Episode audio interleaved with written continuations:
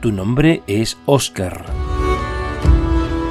Y eres el campeón de España, de Carcasón.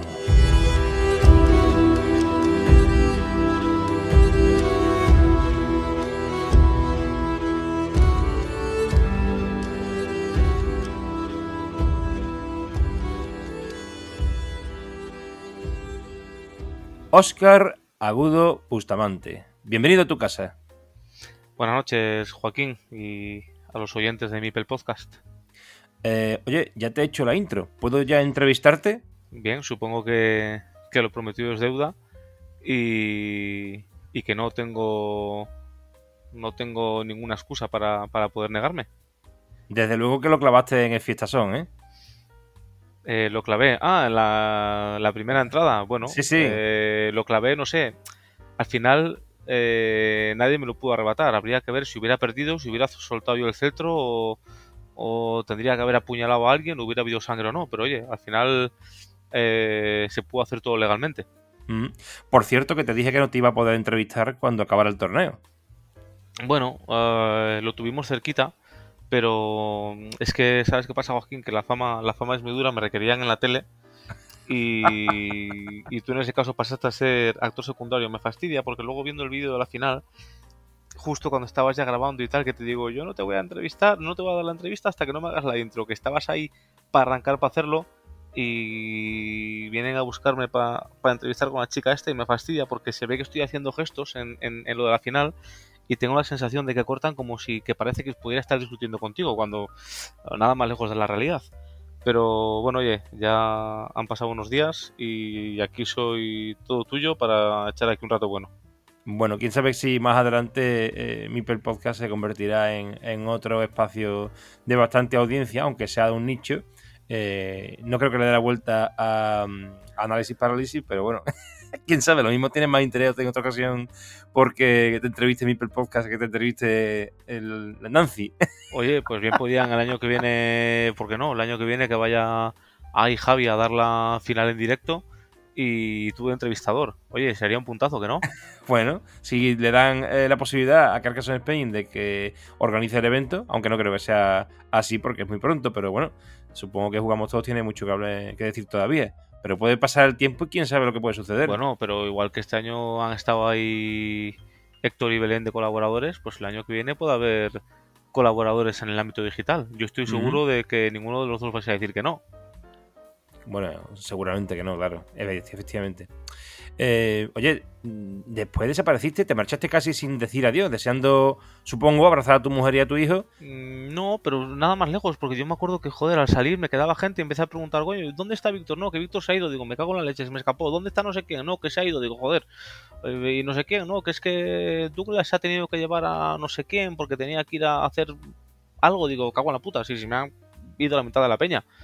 Eh, al final estás ahí, te llama Tony, te llama el otro, tú quieres estar con, con una persona o saludar a, a, quien sea y te llaman. Bueno, no sé, es, es, un, es un poco un caos. Pero oye, eh, no sé, vino mucha gente a, a dar la enhorabuena. Yo cogí el teléfono y dije, fíjate, al, al, al salir, yo creo que ya teniendo el trofeo, cogí el teléfono para, no me acuerdo para qué le cogí. Y, y no me respondía, tío. Me estaban, venga a mensajes y no me funcionaba el teléfono.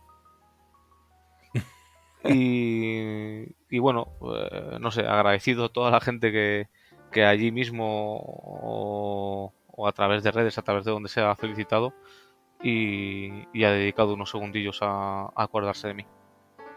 Claro, hombre.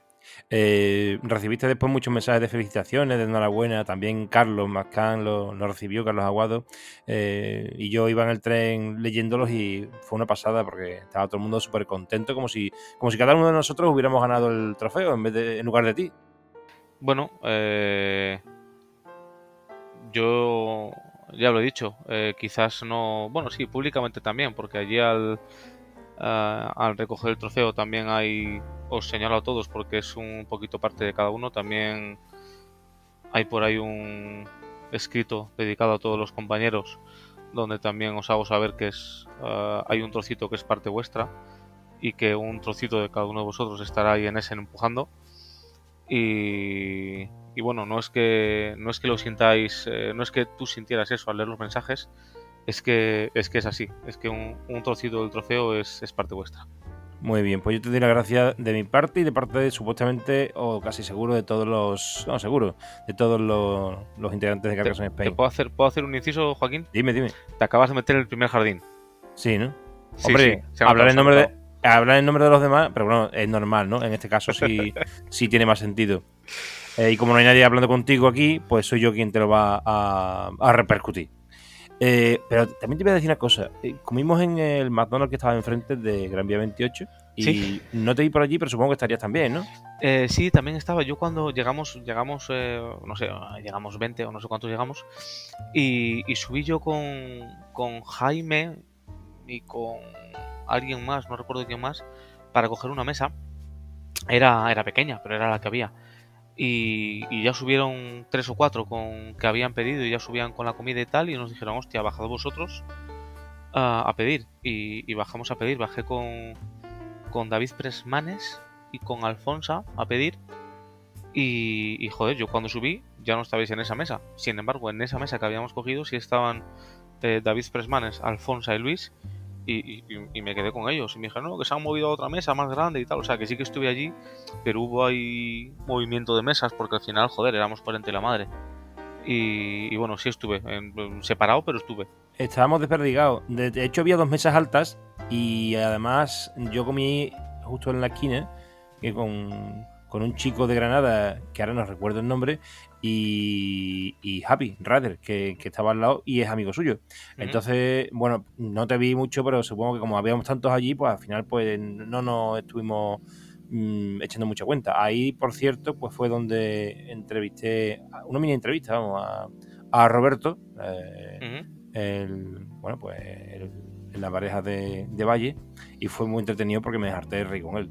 Eh, y te iba a decir precisamente a cuenta de esto de la comida que, Sí. bueno, que desde mediodía y hasta que te marchaste no comiste nada. Y digo yo que cómo aguantaste durante el camino de vuelta. Hombre, de camino de vuelta lo pasé mal, pero hubo un, un chico de Sevilla que habla mucho, no sé si le conoces, que, que tuvo un detalle conmigo, que me trajo unas tortitas que no recuerdo cómo coño se llaman y que en el coche me dieron la vida y más que la vida. Inés Rosales. Ah, el, el nombre de, de- de- de las, de las Sí. tortitas. Ajá. Está, bueno, son de Castilla de la Cuesta, pero se trasladaron la, la sede, la, la fábrica y ya se han convertido un poquito más en comerciales. Aquí hay algo más tradicional también, que es el mostachón de Utrera, que es de un pueblo que está a unos pocos kilómetros de Sevilla, pero antes se vendían incluso los trenes y ahora, bueno, ya está también en plan más comercial.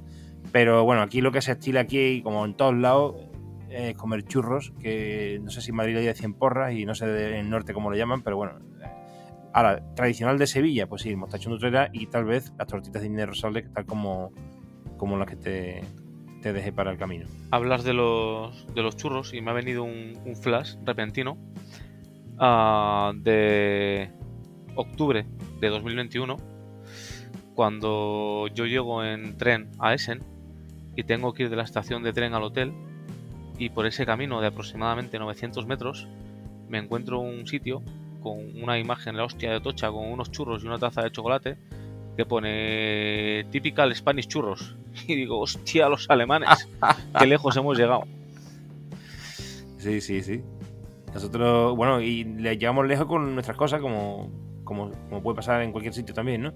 Pero ellos vienen todos para acá, para acá, para ponerse rojitos como cangrejos. Ujú. Si te fijas, nosotros nos quedamos muchas veces de aquí del- de, de muchas cosas, ¿no? Del sueldo, de esto, del otro, de la calor, de cualquier cosa, pero después viene todo el mundo para acá. bueno será que algo hacemos bien Y por cierto, sabemos que estuviste a puntito de no poder ir a Madrid. Se trata de un tema personal que espero que se resuelva positivamente en lo Ah. venidero. Sí, Pero- bueno, ha habido ha habido dudas hasta hasta última hora de si iba a poder ir o no iba a poder ir y tal. Pero bueno, todo en cuanto a fechas ha cuadrado bien, todo ha ido evolucionando bien y parece que eh, el desenlace va siendo positivo. Muy bien, me, me alegro. Pero una vez aquí, ibas a por todas. Y paso a paso llegaste a esa gran final, documentada en vídeo, con entrevista previa, con un silencio atronador en una sala repleta de seguidores tuyos y, por supuesto, de Carlos, porque sabíamos que Carcassonne Spain copaba la final, pero al margen de todas las sensaciones que, creo que viviste, cuando te diste cuenta y te hicieron descubrir que ese campo era tuyo, cuando comprendiste que la victoria estaba en tus manos, cuando te alzaste con ese toma, que era, que era, que era por dentro, adrenalina, cortisol, malos humos acumulados, tensión en estado puro, ¿qué te pasó? Por dentro era terrible, es que, es que, mm, o sea, tú no te haces una idea de la cantidad de veces que porque hay una vez que se ve claramente que estoy contando todos los puntos finales y que muevo una pieza de Carlos para ver si tiene escudo o no tiene escudo. Ahí se ve claramente que estoy contando, pero, pero, pero igual antes de eso yo he hecho el recuento final 15 veces, ¿vale? Y, y como se puede ver, yo estoy convencido de que falta un tuborcio. Entonces, eh, en mis cuentas, eh, sale que yo tengo que perder de dos por cojones. Y, esa última loseta que pongo, la pongo pensando que él va a poner ahí el tuborcio y que va a cerrar dos ciudades y que va a sumar más campo y que la madre que lo parió. Y la pongo para, perder de dos y, no de 14. Entonces, cuando yo veo que le da la vuelta y que tiene esa tapa con T, digo, me cago en la madre que me parió. Si yo, en vez de poner esto mierda que he puesto, uno, la ciudad que tengo ahí arriba, me sumo un más, un más 3 o un más 4 y gano. Y te juro que me quiero cortar las venas en ese momento. estaba muy rayado. Porque he perdido por un error mío catastrófico. Y luego el recuento tal, y efectivamente, efectivamente es que cuadra. Cuando sale el recuento sale que, hostia, que he palmado de dos. Y digo, Porque tú ya no contabas con los campos. Ese campo, ese campo hace 25 losetas que yo estoy convencido de que es de él. Convencido. El foco, la atención, la, prestas a donde realmente te lleva tu, tu, mente, pero la realidad es que ese campo era tuyo de principio y te lo mm. empató, pero nunca quedó perdido. Ya, ya, sí, claro, ¿no? Si he visto ahora, bien, chupi, te pones en la mesa a verlo y no veas tú qué movida. Me recuerda esto a, la vuelta del mundo en 80 días, cuando da la vuelta y gana un día y se cree que, bueno, que ha perdido la apuesta, ¿no? Y resulta que al final tenía un día un día de más. Sí, sí, pues. sí, pues bueno, pues sí, sí, está bien tirado, está bien tirado. Pero, pero sí, o sea, mm, retomando la pregunta que me hacías de qué sentía, pues eso, yo, yo, yo de repente, yo, yo, yo estaba enfadado conmigo mismo, digo, o sea, es que eres gilipollas, has perdido tú solo, por no saber contar. Y cuando veo eso, digo, me cago en mi madre, pues si he ganado. Y, entonces de repente empiezo yo por dentro de mí que he ganado, que he perdido. ya habiendo ganado, ya sabiéndolo, pero me decía el cuerpo que no, que no, que has perdido. Que no, que no, gilipollas, que has ganado. Como cuando en los dibujos le sale el angelito y el demonio, pues, pues, pues lo mismo. Y, y, bueno, unos sentimientos muy raros, no sé. Lo, veía tan perdido y de repente es como que. joder, no me la habían regalado porque, coño, pues la partida la gané yo, pero, pero, pero fue como, como un regalo porque, porque no lo esperaba, porque yo lo había perdido. Me hago una pregunta, Oscar, que te la voy a devolver ahora para que la responda. Y bueno, como esta segunda entrevista que, haces en mi podcast, que poca, gente ha tenido la oportunidad de hacer dos entrevistas cuando hay gente que todavía no ha pasado por aquí, pero bueno, es normal, ¿no? Eh, esta circunstancia es, eh, es evidentemente excepcional. Entonces, eh, cuando hago las preguntas, estas que yo llamo de rigor, las que se repiten, pues en esta entrevista no va a suceder. Pero claro, hay una nueva pregunta que podría hacerte que sería ¿cuál es tu loseta más odiada? o más odiosa. Yo creo que, todo el mundo se puede imaginar la respuesta. Está clarísimo que mi loseta más odiada es el tuborcio. O sea, de hecho, tengo que hacer mm, rápidamente un escrito a Hansing Glue para que, para que eliminen esa loseta al juego. Es más, si recuerdas, cuando me hiciste la primera entrevista te dije que mi loseta preferida era el tubo. Pero que la loseta buena buena es la que sale cuando la necesitas. Pues te puedo hacer una respuesta similar. O sea, mi loseta más odiada es el tuborcio. Concretamente, ese puto tuborcio fantasma que estaba ahí escondido. Es que lo que pasa es que en el paisaje se, se como que se esconde cuando están varias, eh, varias tapas unidas formando ciudades pequeñas. Entonces es más difícil de ver. Es que fíjate, el, yo creo que la dificultad estuvo, porque la partida la he visto ya dos o tres veces. el, el, que yo no veo, el que yo no veo, eh, tiene una tapa descubierta y otra tapa con un Mipel mío que me ha bloqueado Carlos. Entonces, yo no sé si al estar ahí tapadita con el Mipel, eh, no la he contado. Pero, o sea, no la he contado, no la he visto. O, la he contado como. He pasado por encima de ella como si fuese una tapa normal. Eh, el tema es que te decía hace un momento que, yo igual hice el recuento final 15 veces. Tú no sabes la cantidad de veces que yo he contado tuborcios.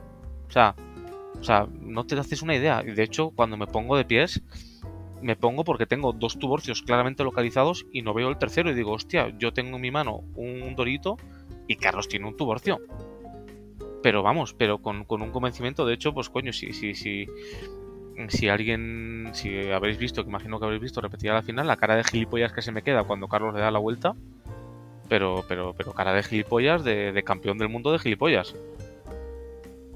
Y bueno, pues, pues realmente ahí estaba. Eh, de hecho, eh, hay gran parte de la partida condicionada y una pila de losetas que si, que si yo hubiera sabido que, que el tuborcio había salido, vamos, vamos, que lo hubiera jugado de otra forma.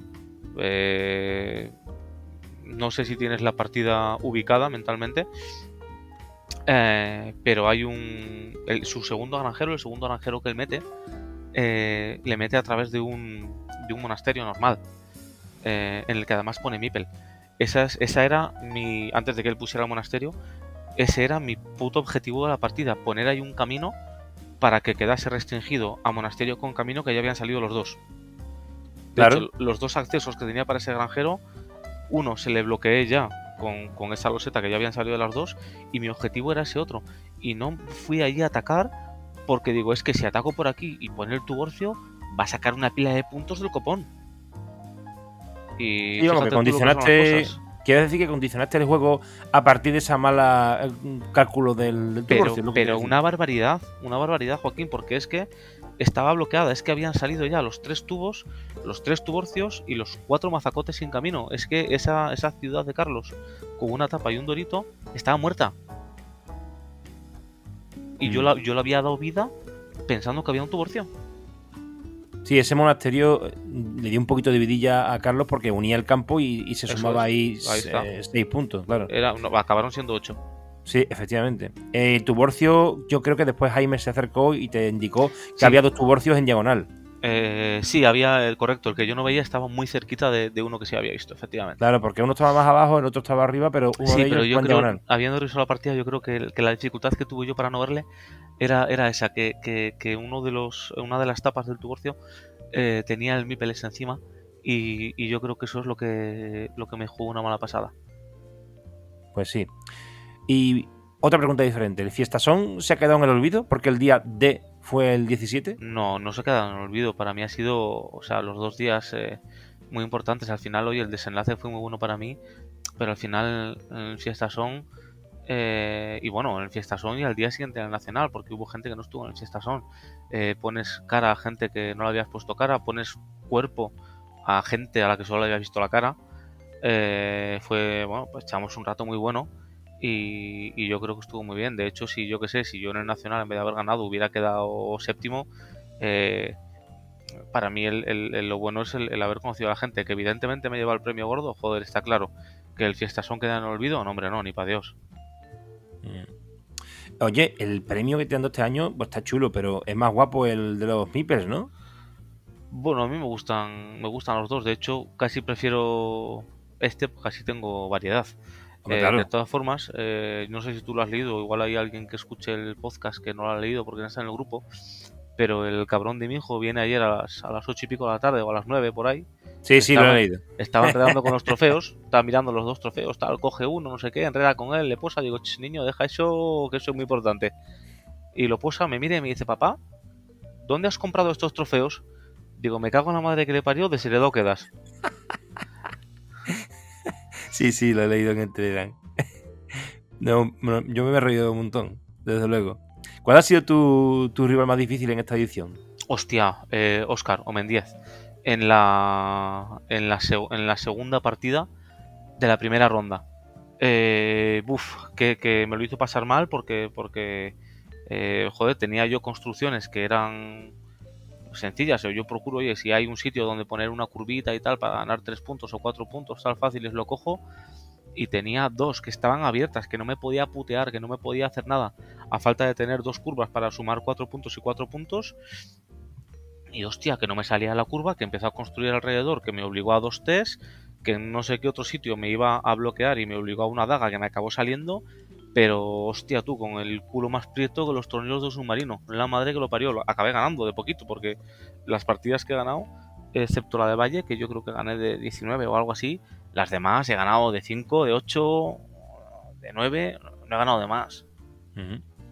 En las eliminatorias es verdad que las ha ganado todas porque si no, no habrías pasado de, ronda. Correcto. Pero, pero la, en, la, ronda previa, lo que sería el suizo, ¿Sí? Eh, de donde se extraen los 16 mejores jugadores para, em, eh, para iniciar el playoff, ¿Mm? eh, bueno, ahí empataste la primera con Jaime. Correcto. que Empaté no es- por, por un error suyo porque tenía una ciudad fácil para cerrar con una tapa que le salió y la puso en otro sitio. Yo no me di cuenta.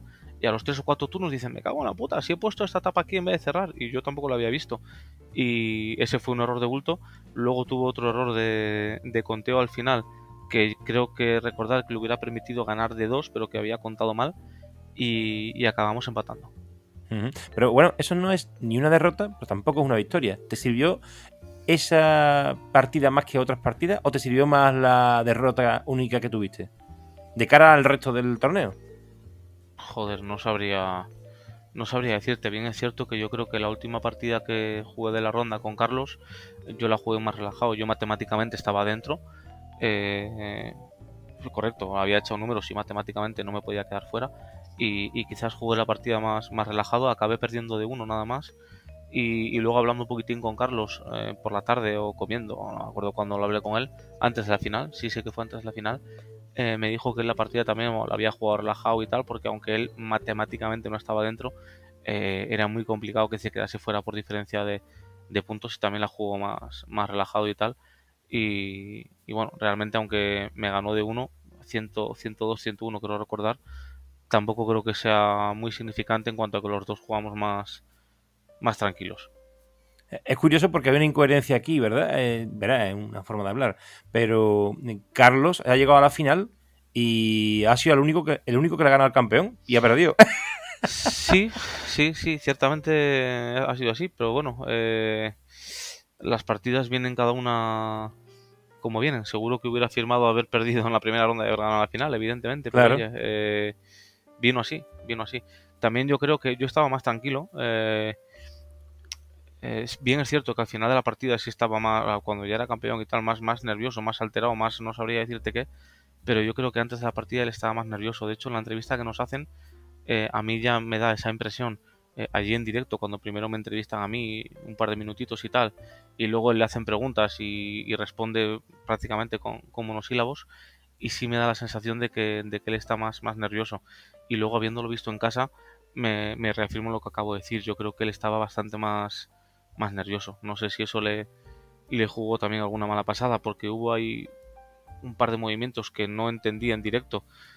eh, y, luego viendo la partida tampoco entendí. Entonces no sé si eso fue han sido malas decisiones.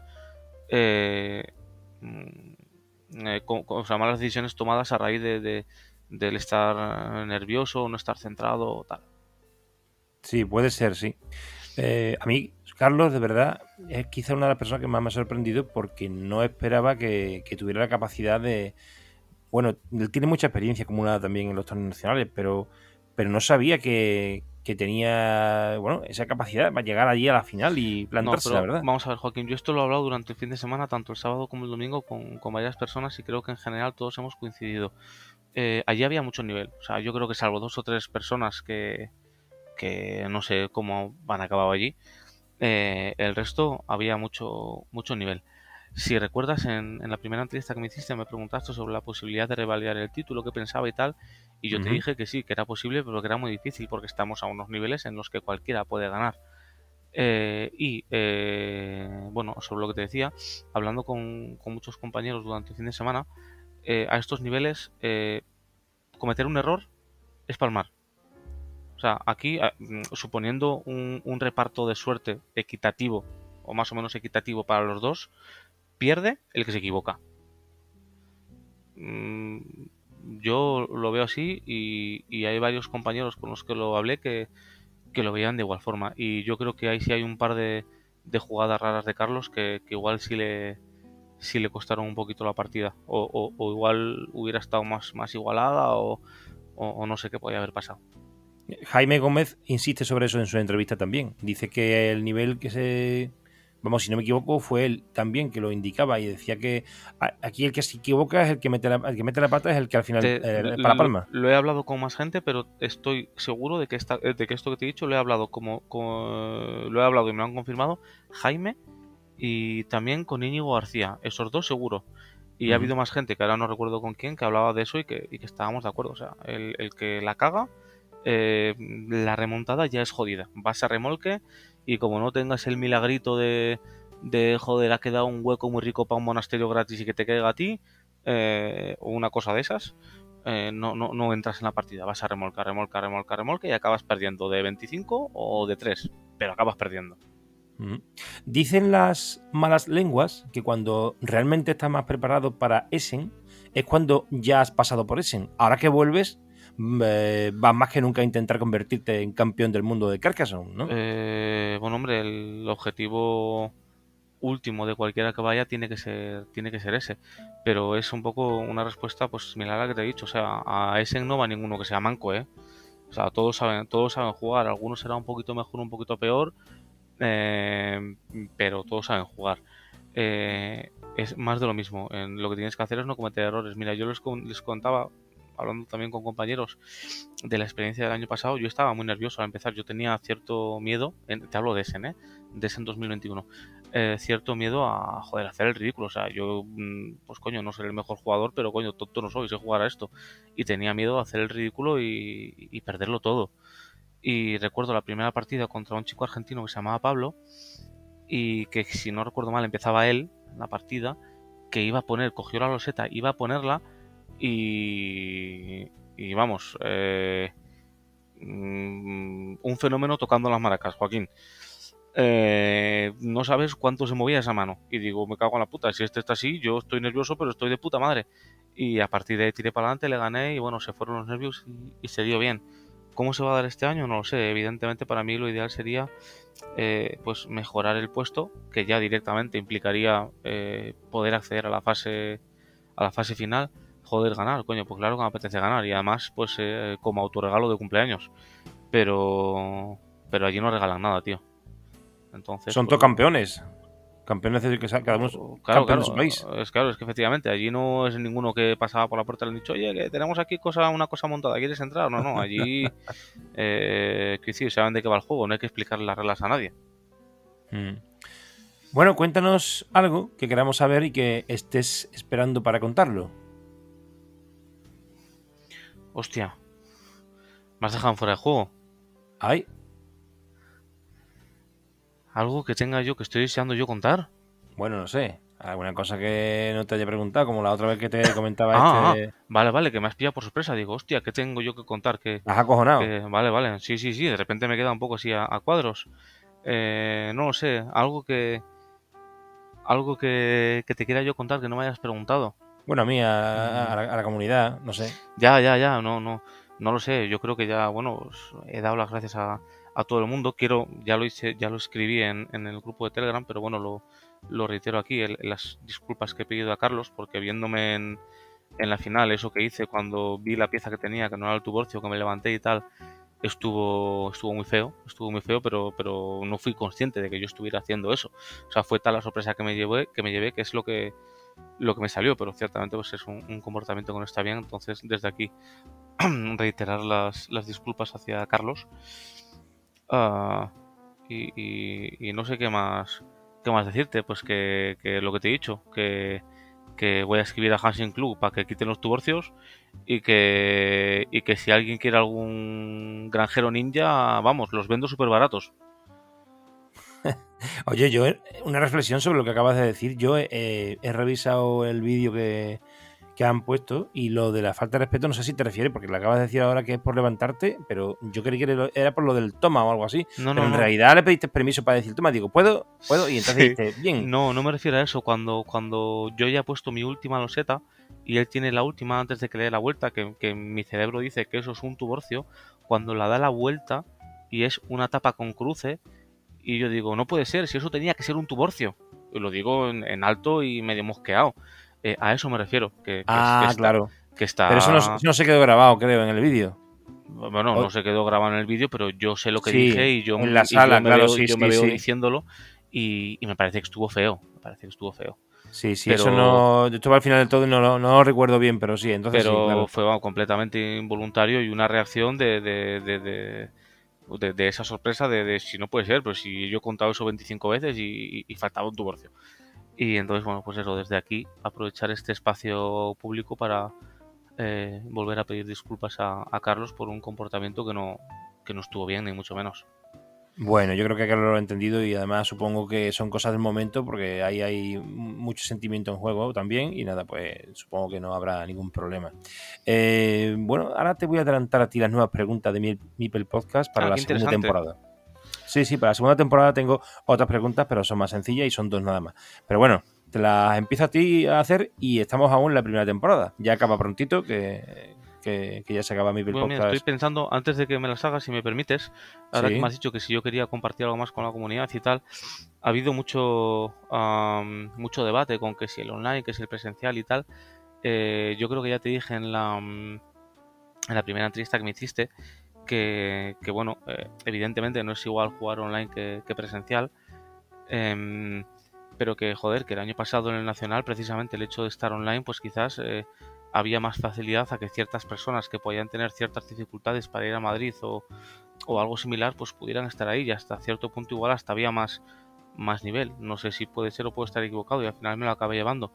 Pero oye, también queda demostrado que eh, no digo que, que como hay gente que ha dicho por ahí que si he cerrado bocas, que si no sé qué, no creo que sea eso, ni mucho menos, pero lo que creo que sí queda patente es que, bueno, que aparte de, de jugar online, también sé jugar sobre, sobre una mesa.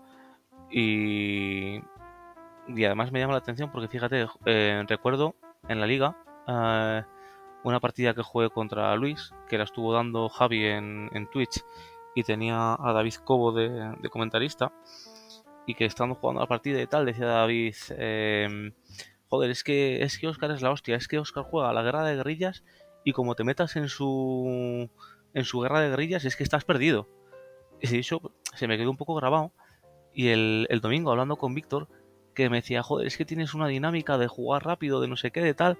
Me dice, joder, es que si consigues que el rival vaya a tu dinámica, es que es tuyo. Y digo, joder, digo, no será, no será para tanto. Esto es una cosa que también me lo dijo Alfonso, que jugó una partida con ella el sábado, joder, qué rápido juegas y tal. No sé, a estas alturas no creo que sea ninguna sorpresa para nadie el hecho de que yo juego rápido y que yo juego a bloquear. Eh, creo que a nadie le puede sorprender. Y, mm, y luego, al, terminar la, final, también vino, creo que no sé si al terminar la final o, antes, yo creo que fue al terminar. Y me dijo David Cobo que algo así como que en presencial que soy que soy un monstruo, un torbellino o algo así, que, al que esté en la, mesa le arrastra mi juego. No sé, me, ha llamado la atención que, eso, que, haya diferentes eh, opiniones en la misma línea. Y no sé, no, no me parece para tanto, pero sí es una cosa que yo he hablado varias veces que creo que el hecho de, de jugar con reloj, eh, incluso a mí me puede beneficiar, que comentaba creo que Lorenzo el tema de jugar con reloj, que hay que entrenar, que no sé qué.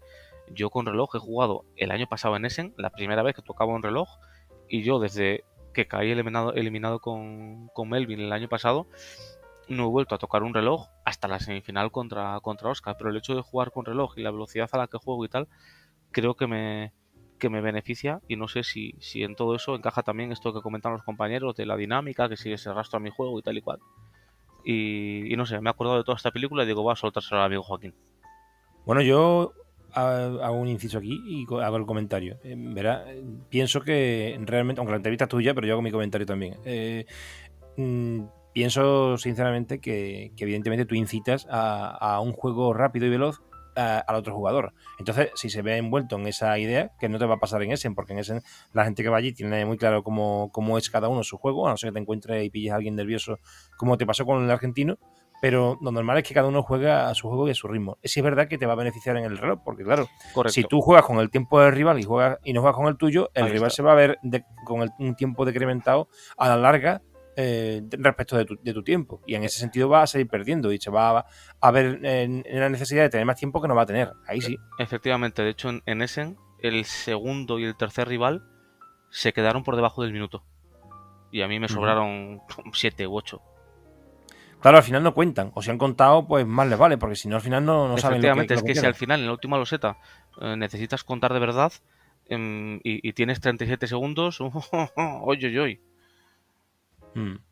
Pues sí. Bueno, vamos a ver. ¿Qué juego te llevarías a una isla desierta?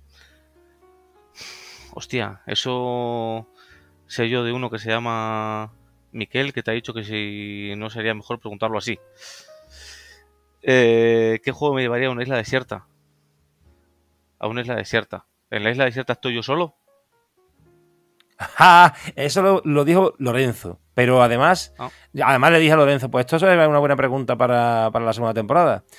Eh, y la he tomado como propia. Eh, pero en realidad, quien me. Porque ya tengo algunas entrevistas hechas para, para septiembre. Y claro, me voy a hacer la misma pregunta a todos.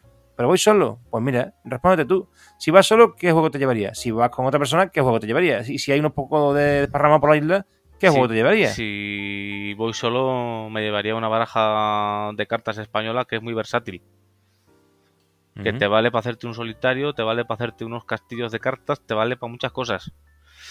Y si voy acompañado, ¿qué juego me llevaría? Ah, si voy acompañado y es para jugar uno contra uno, el Carcassonne, indudablemente. Si voy a una isla desierta y voy con un grupo para jugar y tal, me llevaría el Munchkin. Ajá. De hecho, el, el, Muskin, no sé si le conoces, eh, bueno, es un juego de rol, de coña, de cartas y tal, que concretamente es, el juego se llama Munchkin, coma, apuñala a tus amigos. ¿No lo querrás jugar con Carcassonne Spain? Oh, sí, ¿por qué no? ¿Por qué no? ¿A quién te gustaría que entrevistara próximamente? Mm. Hombre, yo creo que que procedería una, una segunda entrevista a Carlos. Carlos. Carlos Aguado. Muy bien. Bueno, pues amigos, Carlos Caridis, campeón de España, corazón de Carcasón. Gracias por visitar una vez más esta que sin duda es tu casa. Muchas gracias a ti por, por invitarme, eh, a todos los compañeros por, acompañarme en, la aventura, por las felicitaciones y una vez más hacerles saber que son eh, partícipes del éxito actual y como ya les he dicho que confío en que estéis empujando ahí a tope en, cuando yo esté en ese. Muchas gracias a, ti Joaquín por la entrevista y ánimo para seguir con, el podcast que, me consta que no es fácil. Muchas gracias. Pues sí, eh, te apoyaremos en ese. Así que mm, nos vemos pronto. Eh, igual que todos los, los oyentes de Nipple Podcast, ya queda poco para finalizar la primera temporada y nos veremos seguramente la segunda con muchas cosas y muchas sorpresas. Hasta pronto.